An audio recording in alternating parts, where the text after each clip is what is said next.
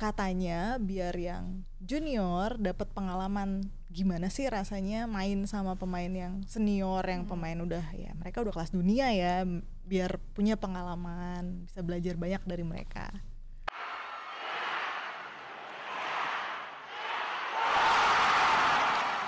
Halo Sobat Antara, selamat datang di Sini Arena, program podcast Antara yang membahas seputar isu dunia olahraga. Kali ini saya Sofi ditemani oleh rekan saya, Mbak Rani. halo Mbak Sofi Hai. Oke, jadi gini Mbak, pandemi COVID-19 ini kan sudah menghentikan seluruh eh, kompetisi maupun kejuaraan olahraga Mm. nasional dan internasional. Dan bulu tangkis itu termasuk kan di dalamnya. Terakhir kali atlet bulu tangkis Indonesia turun di turnamen itu di All England ya, kemarin Ma- bulan Maret. iya betul banget Nah, setelah itu sampai bulan Juli ini berarti hampir mau empat bulan ya, udah absen. Eh, iya. Udah Nggak ada empat bulan ya? Nggak kerasa ya? Iya, nggak ada turnamen sama sekali dan cuma latihan di pelatnas gitu kan. Iya. Nah, terus PBSI berinisiatif mengadakan home turnamen. iya. Nah, itu apa sih tujuan dari eh, penyelenggaraan home turnamen? Iya, jadi home turnamen ini atau turnamen internal PBSI ini diadain hanya khusus untuk atlet-atlet pelatnas PBSI ya, baik yang senior maupun junior, semuanya harus ikutan di situ. Tujuannya itu katanya sih sebagai pemanasan, sebagai pemanasan sebelum nanti turnamen resmi kembali bergulir lagi. Sebagai pemanasan itu maksudnya selama ini kan nggak ada tanding nih, nggak ada tanding berarti eh, fisik atlet kaku lah, apalah itu untuk supaya lentur lagi, supaya luwes lagi gerakannya. Akhirnya diadain lah pertandingan ini dan pertandingan internal ini meskipun cuma internal gitu ya, tapi eh, suasananya itu benar-benar dibikin kayak pertandingan resmi. Hmm. Jadi ada eh, lengkap sama wasit, apa semuanya ya kecuali penonton ya. Gitu. Jadi tetap dapet feel-nya. Oke. Nah, dari Mbak Rani kan ngikutin nih Mm-mm. eh, berita bulu tangkis Indonesia itu yang menarik sampai sekarang nih home Mm. turnamen kan masih diselenggarakan. Apa nih yang menarik dari penyelenggaraan itu?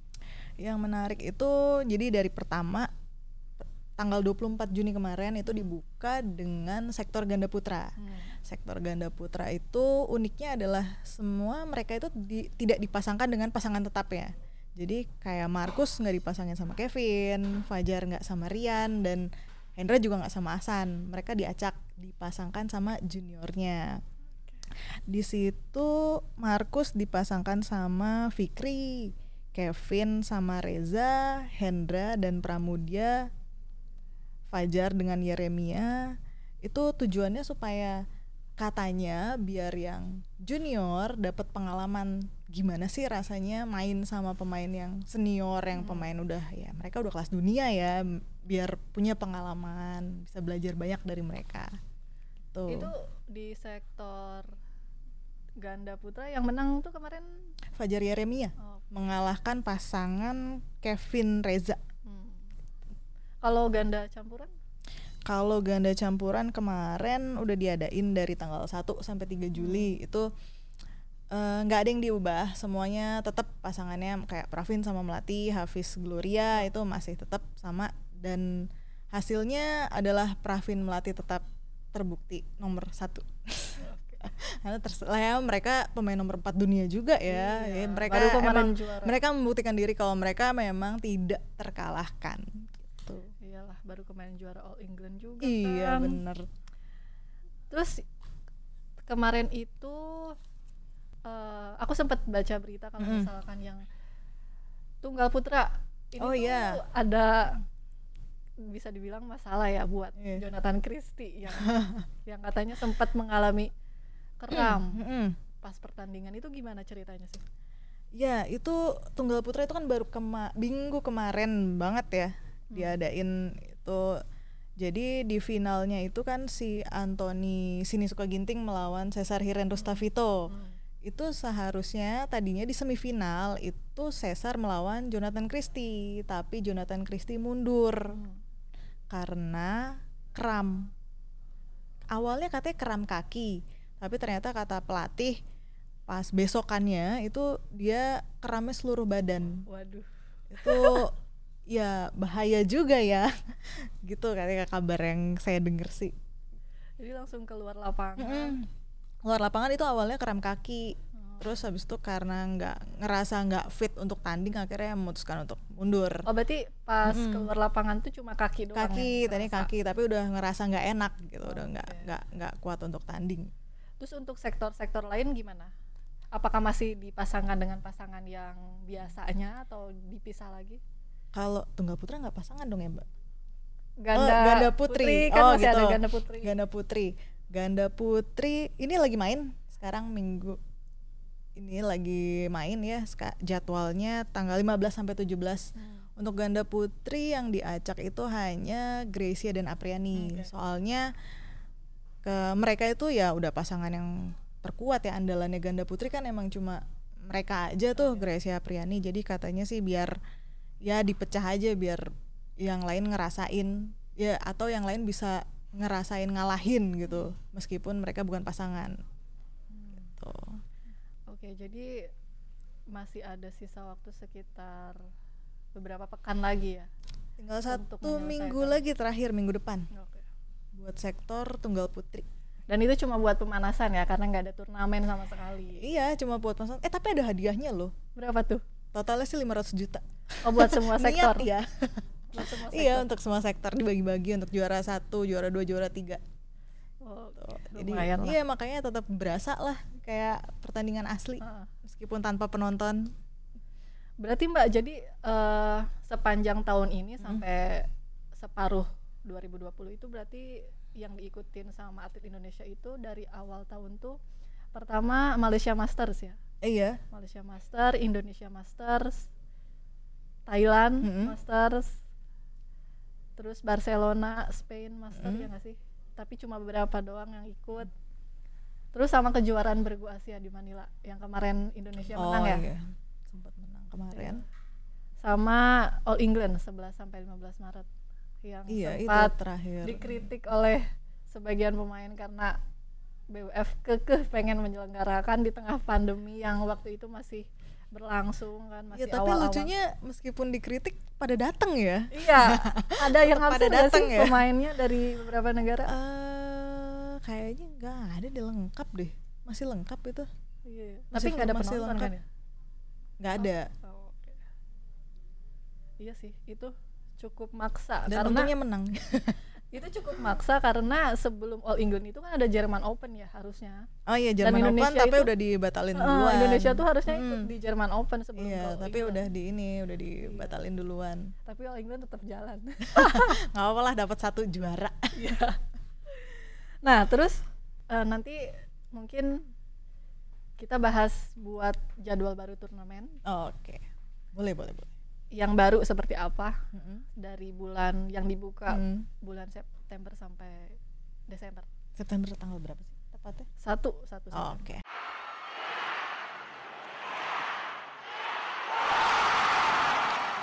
Balik lagi masih di bahasan soal turnamen bulu tangkis Mm-mm. dan jadwal baru eh, dari BWF Mm-mm. soal turnamen.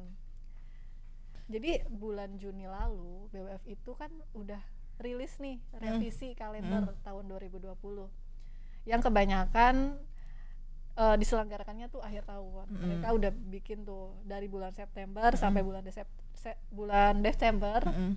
itu apa aja tuh turnamen-turnamen yang bakal diselenggarakan. Dibuka oleh Taipei Open oke yang merupakan turnamen Super 300 eh, pada bulan September tanggal 1 sampai oh berarti nanti eh, turnamen pembukanya nanti Taipei Open itu ya Iya, tapi nggak tahu Indonesia bakal ikut atau enggak. Soalnya itu kan cuma tapi- Super 300, iya sih Super 300 ya kan. Hmm. Tapi eh, meskipun ada sudah ada kalender eh sudah ada jadwal baru, Mm-mm. Kabit Binpres PBSI Mbak Susi itu pernah bilang kalau misalkan PBSI bakal lebih selektif pilih turnamen karena ini kan situasi lagi nggak memungkinkan ya untuk Mm-mm. terus traveling ke luar negeri gitu. Jadi mungkin hanya beberapa yang bakal menjadi prioritas PBSI termasuk Thomas Uber itu mbak yang tanggal Thomas Uber tuh masih terjadwal loh ya sampai 11 Oktober Iya. iya masih Itu terjadwal kayak ya Kekeh. optimis banget gitu Iya. BWF padahal udah dua kali ya dibatalin Udah. iya kan dua kali dari dibatalin harusnya kan normalnya Mei ya kan dari Mei terus di diundur ke lagi ke Agustus terus, digeser mundur lagi lagi ke Oktober Nah mudah-mudahan ini nggak mundur lagi deh biar beneran bisa langsung ikut turnamen gitu. tapi kira-kira bakal jalan nggak tuh ya Nah nggak tahu soalnya BWF itu dalam pernyataan resminya itu Hmm. pernah ngomong kalau misalkan mereka pun nggak yakin Mhm. sebenarnya. Mereka udah rilis eh, jadwal baru Ha-ha. tapi nggak yakin itu bakal terlaksana apa enggak. Soalnya kan keputusan penyelenggaraan turnamen itu kan ada di Federasi Bulu Tangkis Negara Tiap yang bakal negara jadi ya. tuan rumah gitu. eh tapi sebenarnya kita tuh udah boleh belum sih pergi-pergi keluar ngirim atlet gitu sebenarnya udah dibolehin tapi eh, PBSI nggak berani nggak berani nggak mau ambil resiko Iya, nggak mau ambil resiko oh gitu tapi ini mbak mbak Susi juga pernah bilang ada du- 62 negara sekitar Mhm. 60-an negara gitu yang nggak mau terima orang Indonesia ke luar Oke. negeri Jadi ada mungkin yang di ini nggak sih ada yang eh, ngaruh ke turnamen gitu bisa turnamen jadi diadain di malah Denmark juga bisa jadi nggak nggak mau menerima atlet Indonesia bisa jadi loh ya tapi nggak bisa ikutan dong kalau kayak gitu Iyalah gak adil dong. Harusnya mending dibatalin aja. iya dibatalin aja Iya, terus selain Thomas Uber juga ada beberapa turnamen sih kayak Mm. Denmark Open Mhm. bulan Oktober, ada France Open juga bulan Oktober dan Indonesia Open tentu. nah Indonesia November. Open itu itu juga Nah, gimana tuh, diundur Mbak? kan tuh ya Iya. tapi katanya sih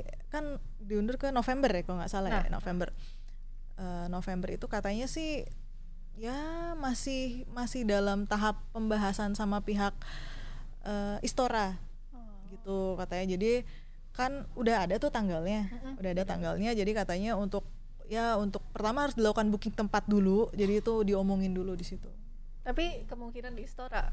Ke- katanya sih di, di Istora soalnya ngobrolnya bilangnya mau pakai tempatnya di Istora itu super seribu soalnya mbak Aduh, iya penting. super seribu buat poin olimpiade ya iya, terutama. penting banget Tapi emang eh, sebenarnya gugus tugas Hmm. eh, penanganan COVID itu pun masih seperti belum memberikan izin buat penyelenggaraan turnamen. untuk acara-acara ya, Ya, Iya sih. terlebih untuk mengundang penonton. Sedangkan kan kayak PBSI itu sepertinya pengen banget gitu di iya dia ada penonton gitu di Indonesia ya, Open. biar rame lah Ya, biar ada yang nyemangatin kalau enggak Iya sih, tapi susah sih kalau misalkan harus ada penonton. Karena mm, beberapa kompetisi olahraga kayak Liga 1 ataupun IBL Mhm. juga kan skenario nya tanpa penonton. Karena kalau pakai penonton susah.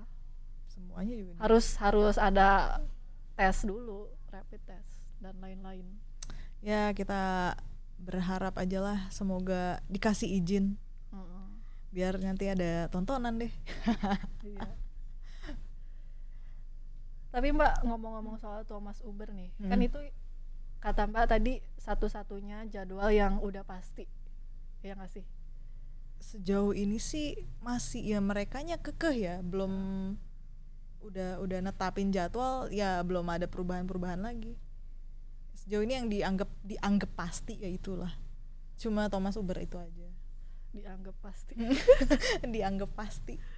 Terus soal home turnamen dan beberapa turnamen ke depan nih Mm-mm. sebagai ajang pemanasan dan evaluasi beberapa, beberapa pelatih di beberapa sektor juga kan katanya cukup puas dengan penampilan atlet bulu tangkis kita. Iya. Itu sebenarnya cukup nggak sih kira-kira ya buat menghadapi turnamen internasional di masa mendatang? Kira-kira cukup nggak sih? ya namanya pemanasan ya buat pemanasan aja sih ya sebenarnya. Jadi dianggap cukup sih kalau menurutku sih kayaknya ya lumayan aja lah daripada nggak ada tanding sama sekali gitu. Meskipun lawannya juga sebenarnya rekannya sendiri gitu kan udah tahu juga kelemahan kekurangannya kelemahan kelebihannya udah tahu lah udah udah tahu sama tahu gitu. Tapi ya daripada nggak ada ajang latihan lain gitu. Karena katanya sih ya mereka juga atlet-atlet tuh kan di sana di pelatnas itu kan juga menjalani karantina tertutup ya. Jadi mereka juga nggak banyak aktivitasnya. Mereka juga banyak di kamar Hmm. ke- keluar kalau untuk latihan gitu. Jadi nggak boleh sembarangan juga keluar masuk kamar gitu. Jadi ya bosen aja kan bosen juga katanya. Untuk ngilangin jenuh. Kemarin si Fajar sempat bilang gitu. Lumayan untuk ngilangin jenuh katanya. Oh itu home iya, turnamen. iya katanya lumayan buat ngilangin jenuh. Ya udah Tapi cabang olahraga bulu tangkis itu salah satu cabang yang sejak ada Hmm. pandemi sampai sekarang itu masih terus ngejalanin pelatnas Hmm. kan ya. masih masih lanjut terus Nggak berhenti kan ya. iya pemainnya juga kan disuruh tetap di pelatnas sekalian karantina katanya biar aman Tapi aku pernah denger-dengar kayak beberapa negara Hmm. kayak eh, Cina itu malah pelatnasnya Mm-mm. pelatihan bulu tangkisnya itu sempat terhenti malah ya terpaksa harus dihentikan gara-gara covid kan. Jadi Iya. mungkin cukup beruntung sih buat atlet Indonesia. Iya, emang karena beruntung sih. karena masih Ya, bisa lumayan lah ngejalanin masih bisa ngadain Heeh. acara kayak gini-gini masih bisa ada hadiahnya juga gitu kan.